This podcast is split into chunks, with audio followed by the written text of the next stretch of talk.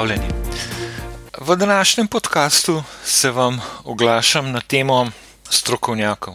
Namreč v zadnjem času se je pojavilo ogromno medijskih osebnosti, ki so kar naenkrat prepoznali v sebi, da so strokovnjaki mikrobiologije, imunologije, infektologije. In tako poučujejo uh, slovenski narod, kaj se v v korona krizi spodobi, kaj, eh, kakšni ukrepi so potrebni, kateri so nepotrebni, dajo močne izjave ljudem. Začel pa bom s svojim primerom, s primerom iz bolnišnice. Predstavljajte si, da ležite eh, na intenzivnem oddelku kliničnega oddelka za hematologijo v kliničnem centru. Poleg vas, približno dva metra stran, leži mož, verjetno s težko hematološko boleznijo, morda uh, z leukemijo, tako kot jaz, in hrope zaradi zapletov ob zdravljenju leukemije. Mož je bil namreč v dihalni stiski, najbrž zaradi kakšne virusne pljučnice, priključen na dihalni aparat. Vseeno pa je bil mož toliko pri sebi, da je od zdravnikov zahteval zdravljenje na njegov način namreč sodo bikarbono in javrovim sirupom. A si predstavljate, imaš smrtno nevarno hematološko bolezen, si na intenzivnem oddelku popolnoma odvisen od medicinskega osebja, pojma nimaš o zdravljenju, niti osnovne bolezni, ne, kaj šele smrtno nevarnih zapletov, pa vseeno poučuje zdravnike, ki ti rešujejo življenje. Torej, nisi sposoben razumeti bolezni, ne poznaš niti osnov fiziologije in patofiziologije, niti procesov v svojem telesu.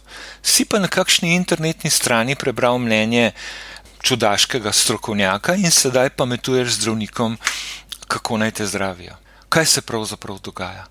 Kaj se je dogajalo temu možu, kaj se dogaja uh, strokovnjaki infektologije, mikrobiologije, imunologije, ki so vsi po vrsti medijsko prepoznavne osebnosti iz uh, ponavadi iz show biznisa.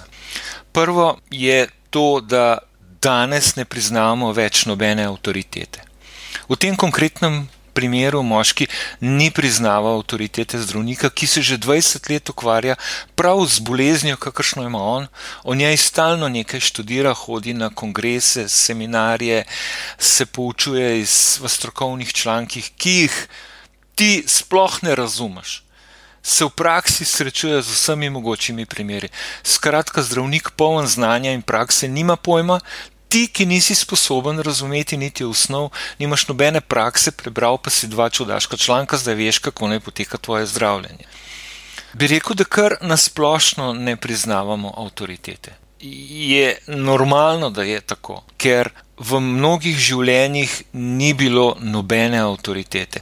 Ni bilo niti avtoritete očeta, ni bilo avtoritete Boga, ni bilo očeta, ki bi ti povedal, kaj je prav, kaj je narobe in bi ga moral poslušati. Niti ni bilo drugih pomembnih avtoritet. Navadili smo se biti sami sebi avtoriteta. Mame so nas v odsotnosti očetov vzgajale za srečo, za, kot pravi Vesna Vuk Godina, imeti se fajn in ne za delati prav. Tako mnogi danes delajo, kar je njim fajn. Masko nositi ni fajn. Je pa prav, da jo nosimo, da ščitimo druge. In če nam ni fajn, nehamo delati tisto stvar, ker ne poznamo koncepta avtoritete. Tudi vlada, seveda, ni nobena avtoriteta, eh, vlada pa sploh ne. Mi smo narod hlapcev in proti vladi se je treba upirati, eh, kot se jo pubertetnik upira eh, svojemu očetu. In če mi vlada reče, da je treba držati socialno distanco, da je treba nositi maske, da si je treba umivati roke, se jaz tega ne bom držal, pa naj stane kar hoče. Niti za ceno življenja bližnjega ne. Druga stvar pa je Dunning-Krugerjev efekt. Kaj je to? Dunning-Krugerjev efekt je v psihologiji kognitivna spoznavna pristranskost, v kateri ljudje z nizko sposobnostjo precenjujemo sami sebe, kar se kaže v obliki slabih odločitev. Zaradi nizke sposobnosti so ljudje nesposobni spoznati svoje napačne odločitve in ravnanja. Tako nesposobni trpijo za kompleksom navidezne večvrednosti. Po domače povedano, tok si naumen, da ne veš, da si naumen, in ne veš, da zaradi svoje neumnosti delaš slabe odločitve in v to spodbujaš zelo samozavestno tudi druge. Zanimivo pa je, da se dogaja tudi obratno, da sposobni svoje sposobnosti podcenjujejo, ker preprosto vejo, česa vse še ne vejo, in niso pripravljeni tako vehementno govoriti o stvarih, o katerih sicer veliko vejo, ampak se pri tem podcenjujejo. In zdi se, da je Dunning-Krugerjev efekt zaznati tudi v znatni množici državljanov, ki so nenadoma ugotovili, da veliko vedo o virusih, še posebej o koronavirusih, pa o sposobnostih prenašanja virusov z človeka na človeka, pa o možnostih prekuževanja populacije. Ugotovili so tudi, da je COVID-19 pravzaprav navadna gripca. Nekateri so ugotovili, da sploh ne obstaja, da, so, da je to zarota svetovnega formata. Tako lahko opazujemo iz tedna v teden množično druženje s kolesi v centru Ljubljane, brez socialne distance, brez zaščitnih mask. Vlada, ki je virus nekako ukrotila, pa nam je zdaj spet zbezlov. Prav verjetno zaradi ljudi, ki ne upoštevajo uh, ukrepov, je po mnenju tistih, ki trpijo za Dunning-Kriegerjevim efektom, nima pojma. Spet strokovnjaki, na katere se vlada naslanja, nimajo pojma. Rešitev. Ne vidim lahke in hitre rešitve. Morda je rešitev skozi več generacij in najde se tako kot vedno le na ravni posameznika. Ali kot pravi dr. Andrej Perko v mojem intervjuju, rešitev je vedno samo v mikrokozmosu lastne družine in lastnega življenja. Potem lahko s svojim zgledom vplivamo na ljudi okoli sebe.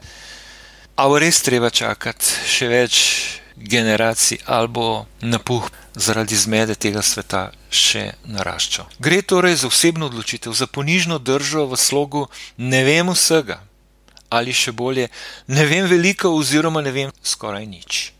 Doktor Anton Stres je o ponižnosti dobro zapisal v tedniku Družina. Takole je povedal. Prava ponižnost zahteva, da smo pošteni do sebe in drugih in se zavedamo svojih omejenosti ter jih znamo sprejeti. Tudi omejenosti na področju znanja infektologije, imunologije, mikrobiologije. Hvala lepa za poslušanje. Namenil sem se, da bom približno na 14 dni posnel en takle podcast. Vabljeni, da se na podcast naročite, da poslušate, se odzovete, pišete komentar na mojem blogu. Hvala lepa in pozdravljeni do naslednjič.